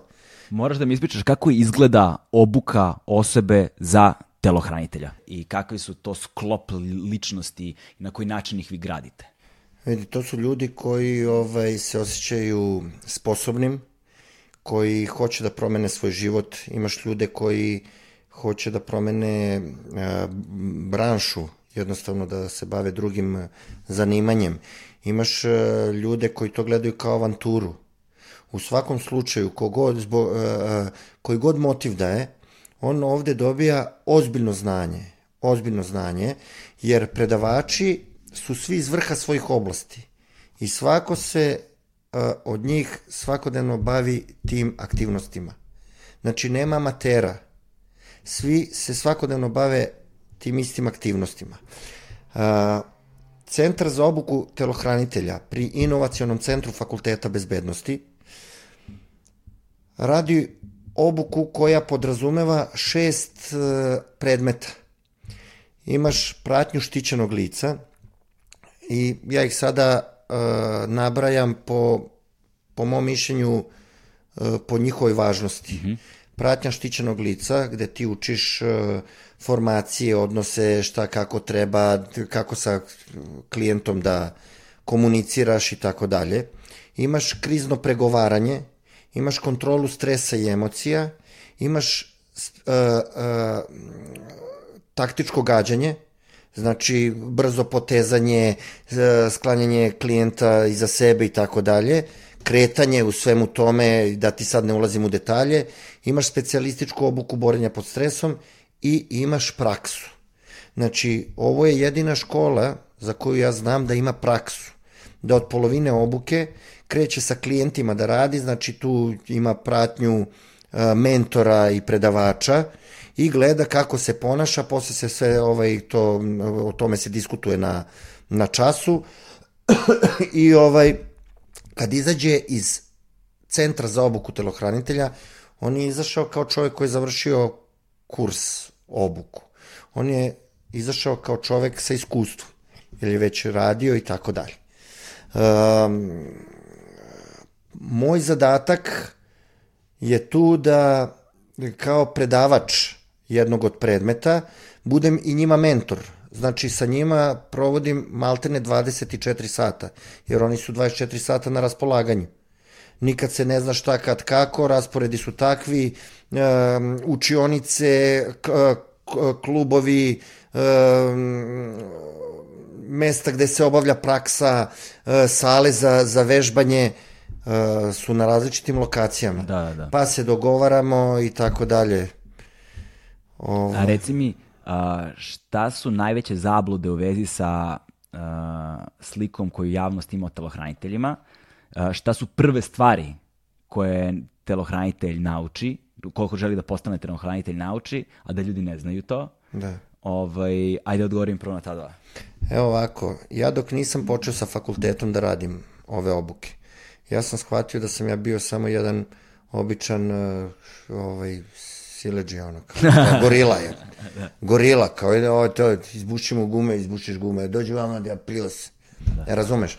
Uh, to su ljudi koji su prvo školovani, imaju osnovnu kulturu, uh, zna, imaju manire, moraju da budu umereni i odmereni, da znaju kad šta kažu.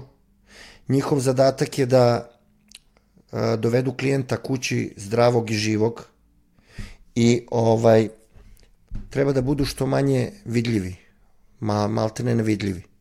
Imaš klijente koji traže uh, čoveka obezbeđenje da se vidi da je on obezbeđenje. Imaš ljude koji traže da sede za drugim stolom, telohranitelji. Imaš ljude koji koriste kao drugare, Znači, sedi s njim, sedi, pije, jede i to, mi smo protiv toga, naravno, ali ako si završio obuku, ja sutra ne mogu da ti kažem, nemoj da prihvatiš taj posao. Da. Tebi možda treba lova, možda ovo ono. Imaš ljude koji po dve, tri noći vode telohranitelja sa sobom. Čoveče, ja posle tri noći ne mogu ni sebi da pomognem, kamo li tebi. E, jedan moj saradnik i ja smo jednu uh, poslovnu delegaciju čuvali iz Slovenije. Uh, telohranitelj mora da bude lukav, da bude rečit, da kad se obrati čoveku, da čovek zna da je ovaj siguran u to što priča. Znaš, čuvali smo Slovence, a Slovenci su hteli da idu na, uh, pomozi mi reći, u Guču, na Sabor. Na Sabor, da, da. Bača u Guči, na, da. Tako je. Uh, ti znaš šta je to? Naravno. Da, mislim ne da, zna, da li znaš šta je, nego da li znaš iznutra šta je, kako da, da, kad da, odeš da, da, tamo. Da, da, Parada, pijanstvo i kiča, da. znači ono je sve, ja mislim da bi se ovi m, osnivači sabora prevrtali u grobu kad bi znali uh, na šta to danas liči. Svi su pijani, drogirani, valjaju se dole po podu, po, po ulici, tako? Da, da. E, i dolaze oni onako nadobudni, imaju pare, oni su poslovni ljudi. Ja kažem, dobar dan, ja sam taj taj, ovo je moj kolega, saradnik, taj taj.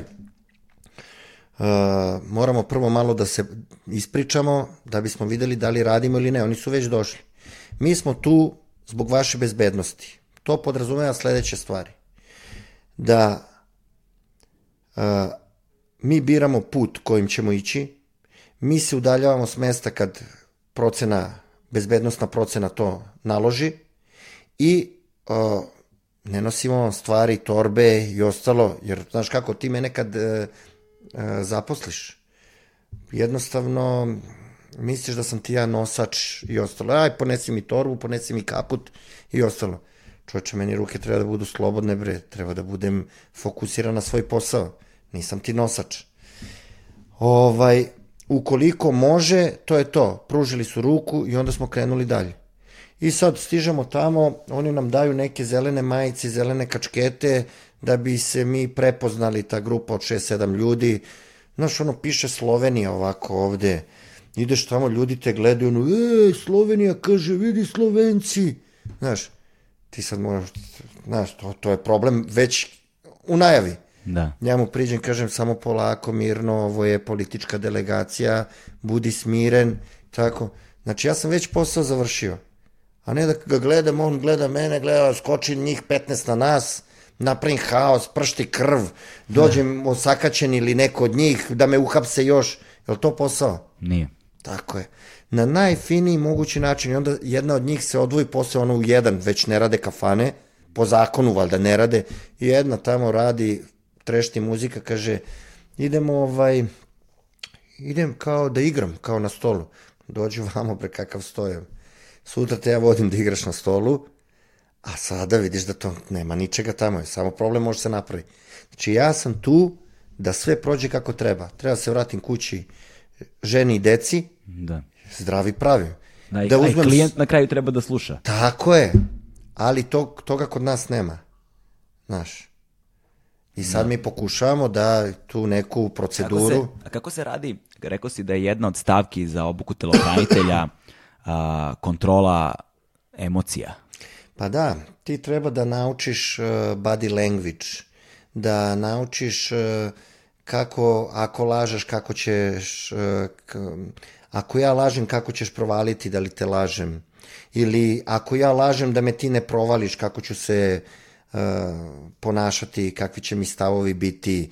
Uh, iz razgovora sa čovekom vidiš da li laže, ne laže i tako dalje. Gomila tu nekih stvari ima koje, koje ti pomažu da budeš ono svesnije biće, tu sediš s ljudima, mada tebi život, e, iskustvo životno koje si prošao, već pola svih tih stvari e, rešava. A zanima me, da li neko ko ima problem sa emotivnim reagovanjem uh, može zaista da nauči da potpunosti kontroliše da, sve može, naravno. Pa zato... Kad kažem emotivni, mislim, na, mislim, mislim pre svega na tremu, na strah. Na, Tako je, pa na... svi mi imamo strah. Ja se da. i dan danas plašim.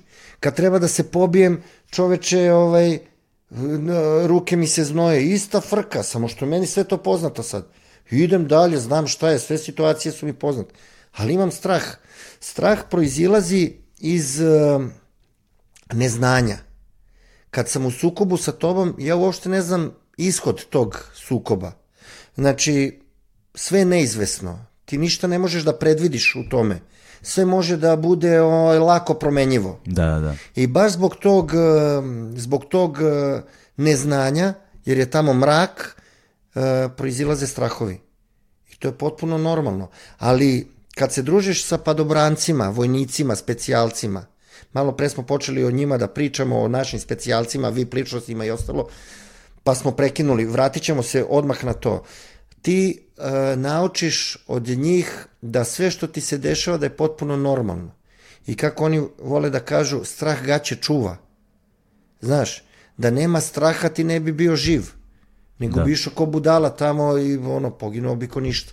Tako, znači, strah ti je neophodan da se sačuvaš. Da.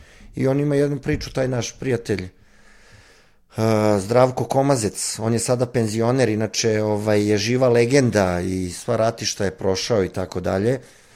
I on kaže, pa meni kad dođe onaj uh, da skoči iz aviona, ja ga pitam, jel se plašiš? A on kaže, plašim se. Ka. Vidi, plašio se, ne plašio, pošto on tako priča, baš ga imitiram, kaže, ti ćeš da skočiš, rešio si da skočiš, tako kaže, Tako je, kaj, pa šta se onda plašiš? Znaš, ti si rečio, rešio da skočiš, šta se plašiš on? Ali to je neminovno. A, ono što sam ja iskusio iz svog vrlo limitiranog, kratkog a, ovaj, bavljenja boksom, kada me naš zajednički prijatelj a, Dragan Bajkanović, pozdrav za Dragana, ovaj, stavlja u sparinge, jeste da kada izađeš na crtu, svašta nešto naučiš o sebi. Mm. Svašta nešto naučiš o sebi i možda je mnogo bolja lekcija ovaj, iz koje mnogo više naučiš nekada daš udarac nego kada ga primiš. E, o, ta, tako s, s jedne strane, ali isto tako postoji, tad sam shvatio taj moment da svi mi zapravo imamo a, ogromnu, ogroman broj slabosti sa kojima se zapravo ne suočavamo redko ili skoro nikad. I da u kondicionim treninzima prvenstveno, ovaj, a onda potom konsekventno tome i u sparinzima, postoje te, ti trenuci kada ti svoje telo, između oslog svoje emocije i svoju psihu, dovedeš do takve tačke da te slabosti izađu na površinu. I kada one izađu na površinu, kako su meni govorili moji treneri, e, tad ih daviš. Ne možeš da ih daviš dok ih tako ne vidiš. Tako je, tako je. Ali vidi, ja polazim od toga da a, ti već znaš koje su ti slabe tačke. Znaš. A možda već... ne znaš. Pa, znaš. Da, možda ne znaš, ali, ali vidi, da. Uh, ti ako nemaš dovoljno iskustva, ne možeš ni da znaš, naravno. Znači, moraš da ulaziš u razne vatre da bi video šta i kako. Ja imam jedan specifičan metod mm -hmm. a, razvoja jednog ljudskog bića u borca čoveka muškarca. Ja sam živi svedok metamorfoze a, iz dečaka u muškarca, gde jedan uplašeni dečak postaje muškarac sa četvrtastom bradom. Znaš, onaj grubi muškarac, on je iznutra subtilan i ostalo. Ali ja pribegavam sledećim stvarima, znači ne bežim od toga da čoveku kažem da niko nije ne, nedodirljiv. Znači, nema nedodirljivog čoveka, nema nepobedivog čoveka. Svako može da dobije batine, svako može udarac da dobije. Tako? Kada, kada ulaziš sa uh, tim stavom, ti si mnogo rasterećeniji. Znaš, dolaze ljudi koji se dugo bave boksom, tajlandskim boksom, kickboksom, ovim, onim. I onda recimo sparingujemo po 45-50 minuta, to su abnormalne e, brojke za jedan sparing običan. Znaš, to je da, obično da, da, da, mislim, 50 ja minuta. uradim tri runde po dva minuta, ne znam gde e, sam. tako je, ja bi te... U trećoj, navu... Izvini, u trećoj ne mogu ne držim gardu uopšte, tako ono, ramena me bole, Zato što bole. drugačije držiš, držiš po nekim uh, da. standardima, školskim, uh, priznatim standardima, držiš ruke i tako dalje. Ruke su samo tvoje oružje, tvoje posledice. Da. Posledice tvog uma. Znači, sa njima udaraš, treba da imaš gajtane. U stvari, gajtane s kojima ti kasapiš čoveka. E, gledaj, On mi kaže ovako, posle 50 minuta sparinga, kaže, brate, kaže, nemaš nikakvu sujetu, kaže, gram sujete nemaš. Ja kažem, kako misliš to? Kaže, pa kaže, kad te udarim, nema ono da poludiš pa da kreneš da me, da me rasturaš. Kaže, gde god sam odlazio, kad udarim nekog, on mora da mi pokaže ko je on. Ja kažem, dobro Nikola, uh, jel ti misliš da je moguće, evo mi 50 minuta sparingujemo, Jel misliš da je moguće da za 50 minuta me ne udariš ni jednom? Hiljadu udaraca smo razmenili. Pa nisam ja, nisam ja ono, Spiderman. Da. Tako, pa čak i njega prebio Da. Znači, svako je pobediv. Svako je, e, svako može dobiti udarac. E, poenta gde dolazi taj stress fighting? Kroz njega učiš da kada dobiješ udarac, ako te nije nokautirao ili osakatio da ne možeš dalje, kao da se nije ni desio. To što boli, pa šta je? Šta? Boli je, nešto boli. Šta boli? Ideš dalje. Samo da možeš da hodaš, da imaš noge, da imaš ruku, da imaš oči da možeš da vidiš. E, ako te osakati ili, ili ovaj, nokautirao, onda poštojem, priznajem onda. Ako kod tebe na, u, na testiranju na borbama nema onda odustajanja. Ma kakve odustajanja? Pa tu smo samo mi stariji, ja i moji instruktori koji vode računa o tome da ludak, ima ludak koji neće da preda. Da, da. I ti vidiš da je ovaj da sledeći pokret je pućemo ruča, ruka, da. Puće ruka, ti prekineš, kao pa što ni dobro. Samo ti radi, ja, se, ja mogu onda kažem ovako, ja se plašim. Čovječe, razumeš li da imam strahove? Plašim se. -hmm. Si video čoveka koji se plaši. Plašim se da ti ne pukne ruka, bre. Da. Tretiraj da si se izvuko, da te nije završio, a ti tretiraj da si ga završio. Da, Znaš, da. sve to ovaj, namestimo gde treba da, da ide. I sada bih voleo da uđemo u na, ovaj finiš našeg razgovora onime što me vrlo verovatno najviše zanima, za nešto što, čega bih ja sam voleo da budem deo u sle, kada bude bilo prilike. A to je ti uh, držiš obuku preživljavanja. Uh mhm. -huh. Molim te, reci mi sve o tome. Evo ovako, prvo ću se vratiti četvrti put na temu naših specijalaca. Znaš, ljudi pričaju o ovim vojskama, o onim vojskama, o specijalcima, ovi su Spidermani, ovi su Supermani, oni su Batmani, Batmani i tako dalje. Ovaj, imamo najozbiljnije ratnike, najozbiljnije specijalce.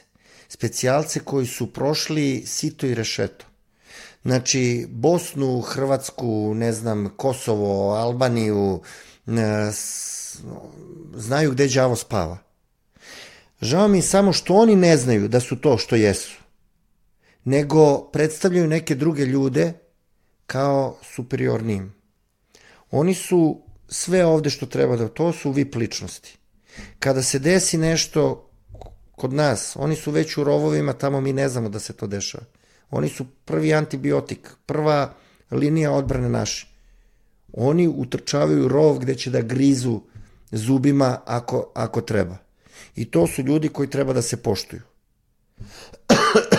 Prvenstveno naši specijalci.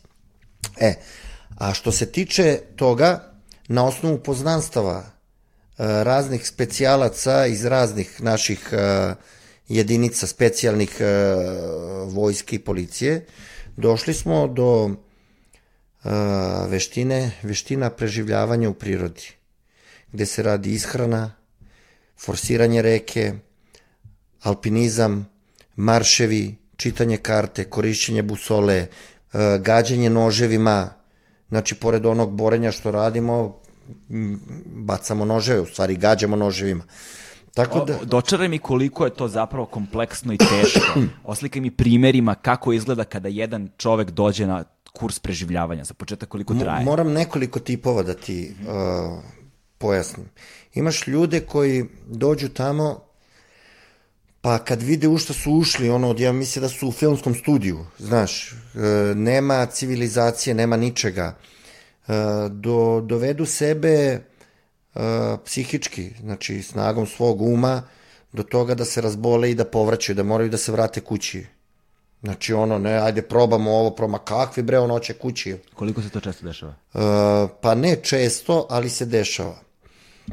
Imaš ljude koji su potpuno urbani tipovi, koji su došli sa ulice, koji vole fancy varijantu, koji posle dva dana isto kao, ajmo do Niša, kao na kaficu, kao, ajmo na bazeniju odlepe, polude.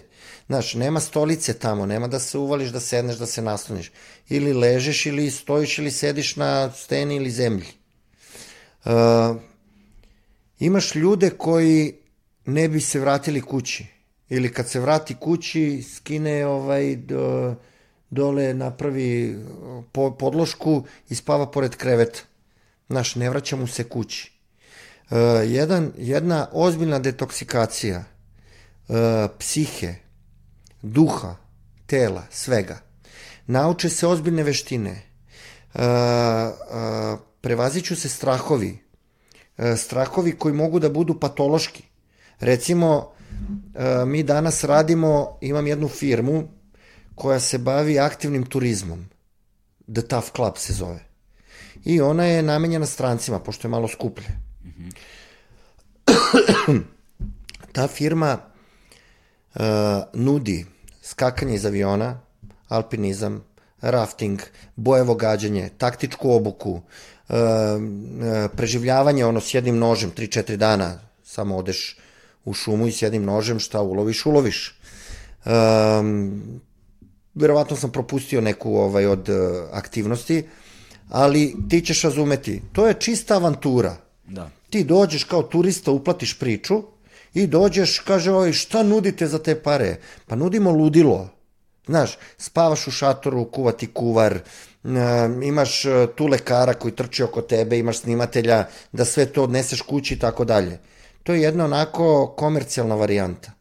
Ali ti imaš varijantu koju mi radimo, gde odeš s jednim čovekom, nas trojica, četvorica, šestorica, i ovaj, radimo sve te aktivnosti po ceo dan. E sad, mi to radimo bez hrane i uveče moramo da pojedemo nešto da ne bi počela a, nervoza da nas ra, razjeda i da ne bi se na nekim od aktivnostima, pošto su naporne, jako su zahtevne aktivnosti, da se neko ne bi nepažnjom povredio. To nam ne treba, nismo otišli tamo da se da polomiš nogu ili ruku. Da. Nego koliko, su... se, koliko se redko jede i kakve su to aktivnosti? Pa ne, jede se jednom dnevno, uveče dobiješ jedno gotovo jelo, konzervu i pola hleba, bez uh, ikakvog uh, bez salate i tako dalje. Ranije smo radili ta preživljavanja, pošto to postalo popularno, po 30-40 ljudi dođe. I sad ti moraš da vodiš 30-40 ljudi, tamo to su obron, obronci suve planine, tu su sela, ljudi su prvi put u tim uh, ovaj, uh, okolnostima, Znaš, pa onda nose hranu, nikad se ne jede više nego na preživljavanju je. Jer ti kad znaš da ideš na preživljavanje, poneseš svašta, sakriješ u džepove da ti niko ne, ne onda jedeš, grickaš uveče, znaš, vrati se ugojeni. E, zbog toga smo ukinuli hranu, dobije se uveče jedan obrok i to je to. A, kako izgleda, koliko dugo za početak traje to? E, od 2000-te. A ne, koliko ta, traje dana obuka? Preživljavanje samo. Preživljavanje je bilo 10 dana, pa smo ga sveli na 7, na 6, sad traje 4 dana. Sve te aktivnosti svučemo u 4 dana. Koliko je to zaista teško? Jeste, teško je. Piši mi. Teško. Šta, šta se, na primjer, daj mi E, me- primjere neke. Psihički je teško, znaš. Koliko se spava, šta se radi? Ne, spava se dovoljno, ali znaš kad ti uđeš u šator, mislim, sad ja pričam tebi, ti si svašta video isto, znaš, pa ne možeš da me razumeš uh, onako kako bi me slušao čovjek koji spava samo u sobi. Znaš, ti odjednom kao, eto, vidiš jedan uh, ciradu, ono, šator i čuješ sve kao da nemaš ništa, znaš. Pa onda imaš ljude koji su onako avanturistički malo nastrojeni, pa ne spava u šatoru, spava na otvorenom, pa mu onda dođe lisica recimo. I tako dalje. Mnogo iskustava tamo dobiješ, naučiš, probaš razne puževe, zmije, skakavce, razne trave neke i tako dalje. Kako se za vodu snalazite? Molim? Kako se za vodu snalazite? Imaš izvora, imaš dosta izvora. Ali čuo sam da postoji kod vas varijanta da vi namjerno stavite kamp, odnosno bivak, Da. na mesto koje je izolovano i koje se obično nalazi na nekoj visini. Tako je. I da je izvor vode Daleko. daleko Tako i da svaki dan neko mora da ide po tu vodu. Vidi, kad I da nas je ima po- više. Da, da je dolazak s tom vodom ozbiljan posao. Pa tako je, znaš, ti treba da doneseš vode i vode, napuniš one flaše, pa to sve staviš u rančeve, pa onda šibaš gore. Ti, što ti kažeš, sve isplivava onda i loše stvari isplivavaju, imaš čoveka koji neće da ide po vodu, znaš, pa onda njega moraš psihološki da obradiš, vidiš da nije u redu, da nije dobar, jer e, počeo je da se buni. Kako ga obrađuješ? E, obrađujem ga tako što mu kažem, vidi, dok to ne uradiš, ništa se više ovde ne radi. Da je ratno sada stanje, sad bi te vezu za drvo, celu noć bi grlio drvo. Ljubio bi ga. Razumeš? Znači, ajde tu, nemoj da se ponašaš, vidi žene šta rade. I zato kažem za žene da su, kod njih nemaš, nemaš nikakvih problema. Znači, žene često probijaju strahove koji muškarci ne smeju. Znaš, da skoči sa stene i tako dalje. Pa ne sme, svi se oduzmemo. Znaš, nije, mislim, ja već to radim dugo, pa mi je drugačije. Ali, ovaj, žena to odradi pre nego muškarac. Reci mi, kada bi neko želeo da se prijavi na tvoj kurs za preživljavanje, kada se on dešava i na koji način bi to moglo se uradi? Vidi, uh, s proleća, nekako s proleća, mi ovaj, to smo radili do sada u avgustu. Međutim, sada ovaj, uh, sada možemo da pravimo grupe, pošto nećemo više od šest ljudi primati u grupu. Možemo da pravimo i u maju, i u junu, i u julu, i u avgustu. Jel to košta nešto? Koliko košta? Pa mislim? košta, koštaju osnovne stvari, ovaj, mislim, 100, 150 evra je ceo aranžman, za to dobija tu hranu koju ima, dobija opremu i dobija ovaj, obuku. Aha, znači koristi se tu ličnu oprema, ono da ima tu čeonih lampi, prusika, verovatno Tako je, šator, tako bivak je, neki. tako je. Op. Da, pardon. Ti da. moraš da nosiš, eh, moraš da nosiš svoju vreću, eto, i sada moraš da nosiš svoj šator. Zato što ranije, dok smo mi to obezbeđivali, ljudi se ponašaju ovaj, nemarno. Ono, rajfešlus rasturi, baca nož pored šatora, kažem, nemoj da radiš to, probušit ćeš šator, ono, ovaj, ma ne, ne, neće, neće, ono, zvrkne napraviti rupu na novom šatoru, to nikad ne možeš zakrapiš više. Da, da, jasno. To nije to. I onda ti kažem, nosiš svoju opremu, pa da vidiš kako brineš o njoj. E, a reci mi, u obuci za telohranitelje i verovatno možda u nekim drugim stvarima, vi koristi se a, bojeva municija, se uči baratanje različitim oružjem. Tako je. O, o, Kojim oružjem se uči i koliko se tu, ono, Na- imate određen broj metaka koji se tu ispali? Tako je, imaš određeni broj metaka na toj obuci, taktičkoj obuci, u stvari ti sa replikama pištolja, imaš ove replike koje izgledaju savršeno, ista težina, isti oblik, sve, izbacuju plastične kuglice. Na vežbi, ovaj, gde radiš štićeno lice, vežbaš, učiš, učiš, učiš, a onda ideš u streljanu sa hvatačima zrna, gde sve to radiš isto bojevom municijom. Tako da ovaj, ti radiš samo sa revolverom, sa pištoljem. Samo sa pištoljem? Da. Ne uči se ni iz jednog drugog oružja? Ne. Zato što ne, ti imaš taj osnovni nivo Da, uh, za koji telohran- urbanim- tako urbanim je, zonama tako, uglavnom. urbanim zonama. Koliko se, koliko se ta taktička a, obuka, odnosno korišćenje oružja u urbanim zonama razlikuje od korišćenja oružja u, ne znam, nekakvim drugim uslovima? Mislim, da li ima sad neke Na stvari na terenu. koje čovjek, na, na terenu? Da, u šumi i tako. Da, da. Pa vidi, ti imaš specijalne jedinice koje imaju timove koji vežbaju samo urbanu priču. I imaš zelene timove koji rade šumu. I oni su mm, um, usko specijalizovani za to. E sada, mi kao telohranitelji radimo samo urbanu varijantu, tako. Ali, pored toga, mi imamo i obuke gde radimo taktičku obuku, gde vežbamo, e, ne znam, e, patrolu, patrole radimo, zasede, signalizaciju, e, upad u objekat, obezbeđenje objekta, postav, postavke ko kako za kim ide, kako se drži puška, pa sad imaš razne standarde, neko radi po, po, po NATO-u sad što je novo, da. neko radi ono iz 45. godine što je po mom mišljenju efikasnije, ne kažem da sam u pravu, Kada, samo kada se nađeš u zasedi, koje su osnovne stvari koje moraš da znaš u tom trenutku? Pa, da, da, da vidiš odakle pršti i kako da se sačuvaš da legneš odmah i da se I gde su izlazi. usmeri. Tako je, sve se vidi. Vidi, um, kad se rade telohranitelji i radiš jednog čoveka, to je najteži mogući zadatak kad radiš kao jedan čovek. Kad radiš sa više ljudi, to je već znatno lakše, ali ti onda radiš za tim. Ne možeš više da razmišljaš kao jedinka, nego moraš da razmišljaš kao šeraf, kao jedan deo tog mehanizma. I do duše to ti olakšava, ali onda zavisiš i od drugih. E, Kada si borac, e, pa- paziš samo na sebe, znači od tebe zavisi sve. A kad igraš e, futbal, možeš da pogineš, da trčiš, da se raspadneš, da sve to onaj tamo zabušava i tamo zabušava ti gubiš. Da. Možeš da plačeš, jel tako? Da. Znači, ako ste svi zajedno tu prisutni, jako vam je visoka efikasnost. A, koliko često se održavaju obuke za, za, za telohranitelje i koliko to košta uopšte? Pošto sigurno Pa ovako... bove o- municije nije jeftina stvar. Ne, ne, nije, nije kakvi, pa to, to obuka je ozbiljna i uh, ona košta 1680, 1700 evra košta. Traje. Uh, moram da kažem da uh, kad već pričamo o parama, da u tu cenu ulazi i PDV. Aha. Znači, 20% toga ide niže. I ovaj, traje tri nedelje. Svaki dan. Svaki dan, da. Svaki dan, 24 sata su na raspolaganju. Znači, te tri nedelje ne mogu da se bave drugim aktivnostima.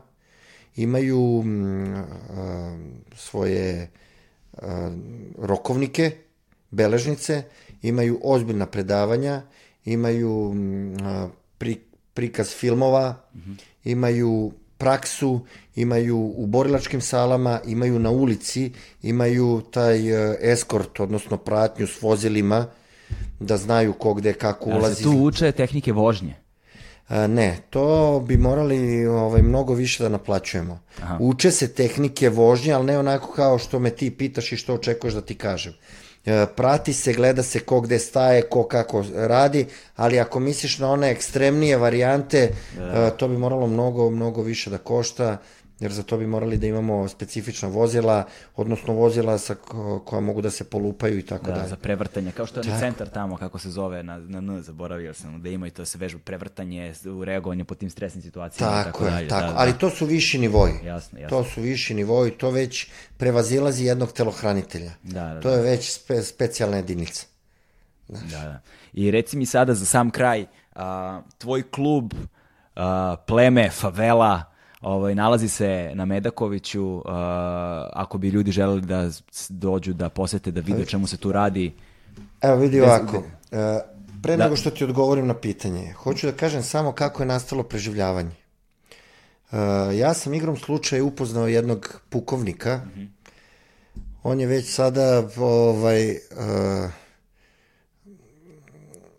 čovek koji je u penziji i koji mi je bio učitelj bacanja nože, odnosno gađanja noževima. Kad mi je rekao kojim veštinama raspolaže i pomenuo zim, zimsku i letnju alpinistiku, Ja sam a, tražio od njega da napravimo jedno preživljavanje u prirodi sa svim tim elementima, jer a, sam imao patološki strah od visine. Aha. Znači nisam smeo da ovaj pogledam sa terase i tako dalje. E onda sam pravio trikove kako se napreduje, tako borilački sam tako napredovao. Pa sam to preneo i na neke druge oblasti u životu. Onda sam poveo momke koji, kojima sam ja polubog, učitelj, neko ko je njihova vodilja. Ovaj, poveo sam ih na jedno preživljavanje gde sam ja morao da skačem sa stena. I nema veze što ti se pluće u vuku, ne možeš da udahneš vazduh, ti moraš da skočiš, jer te gledaju ljudi sa kojima živiš, radiš i tako dalje. E tako sam prevazišao prve strahove i posle toga sam leteo ni stene. A, to su početci i razlozi zbog čega postoji današnje preživljavanje. A sve ostalo se razvilo kao potreba jednog ljudskog bića da sebe podigne na viši psihofizički nivo. E sad, što se tiče škole, kluba i ostalog, dovoljno ljudi koji te prate i tako dalje, da ukucaju ili Borislav Ćosić ili eklektički borilački sistem, na Google ćemo izaći sve i kontakti i lokacije. Ili Ćosa IFS. Ili Ćosa FS, da, da. tako je. Uh, mi danas imamo nekoliko, četiri, pet klubova u, u gradu, međutim, sve su to moja deca, gde god da dođeš da vežbaš, da li kod mene ili kod njih, nama je sve jedno, jer se mi svake subote okupljamo zajedno. Okupljamo se, svi radimo borbe i ostalo, jer uh, sam želeo da se ljudi upoznaju. Znaš, dešava se, mladi su pa se zakače na ulici, pobiju se na kraju krajeva, a ne znaju da vežbaju ispod istog krova. I onda ih ja upoznajem. Bolje se razvijaju, imaju druge sparing partnere i to je to. Treća stvar, e, mnogo generacija je prošlo, 20 i kusur godina radimo. Neki su postali lekari, neki inženjeri, neki profesori, neki automehaničari, neke mi se svi uvezujemo kao ovaj pleme, zato i jesmo pleme. I onda lečimo kola kod tebe, kod njega idemo lečimo um, koleno. Koleno, bravo. Otišao sam, ono, pošto sam se vezao odmah za urologa koji vežba s nama. Da, da. Tako da ovaj, pomažemo jedni drugima. E, I hteo sam da ti kažem, malo pre si pomenuo fitness i ostalo. Mm. Ja ovo mogu da nazovem i muški fitness. Znaš, kada trčiš na traci, kad udaraš džak, kad dižeš tegove, kad uh, voziš bicikl, kad se umoriš, ti usporiš, staneš ili smanjiš težinu ili usporiš ritam. Ovde kad počneš da radiš, on ti diktira tempo. I kada bi stao, ne možeš jer te boli. I ti daješ uvek više od onoga što bi dao inače kad radiš fitness kao fitness. Da li me razumeš? Da, da, da. Znaš, dolaze ljudi, poslovni ljudi, koji koriste ovo kao uh, otklanjanje stresa. Ceo dan su tamo ovde se izbiju, muški fitness, bre, neće da trči da udara u džake. Dođe, izbije se, izrve se i ode kući nasmejan. Popiju pivo i odu kući. Tako je, tako je. Kod tebe postoji ta praksa piva posle Tako, borbe. pa postoji, mada je sad postalo kiselo, malo više mi ne odgovara, nešto, ne znam, promenilo se. I ono je pobesnilo i zapenilo. Ćoso, A, veliko mi je zadovoljstvo da smo sedeli i razgovarali. Hvala ti što si došao ovaj, kod mene u moj dom a, i podelio ove priče sa nama. Ostajemo nas dvojica u kontaktu kad bude bilo Tako. neko preživljavanje. Jedva čekam da se prijavim. Tu slobodan, ovaj, ovaj, dobrodošao si, sve ti otvoreno. Znači... Hvala ti puno i hvala ti što si bio moj gost. Živ bio, hvala ti. To je to.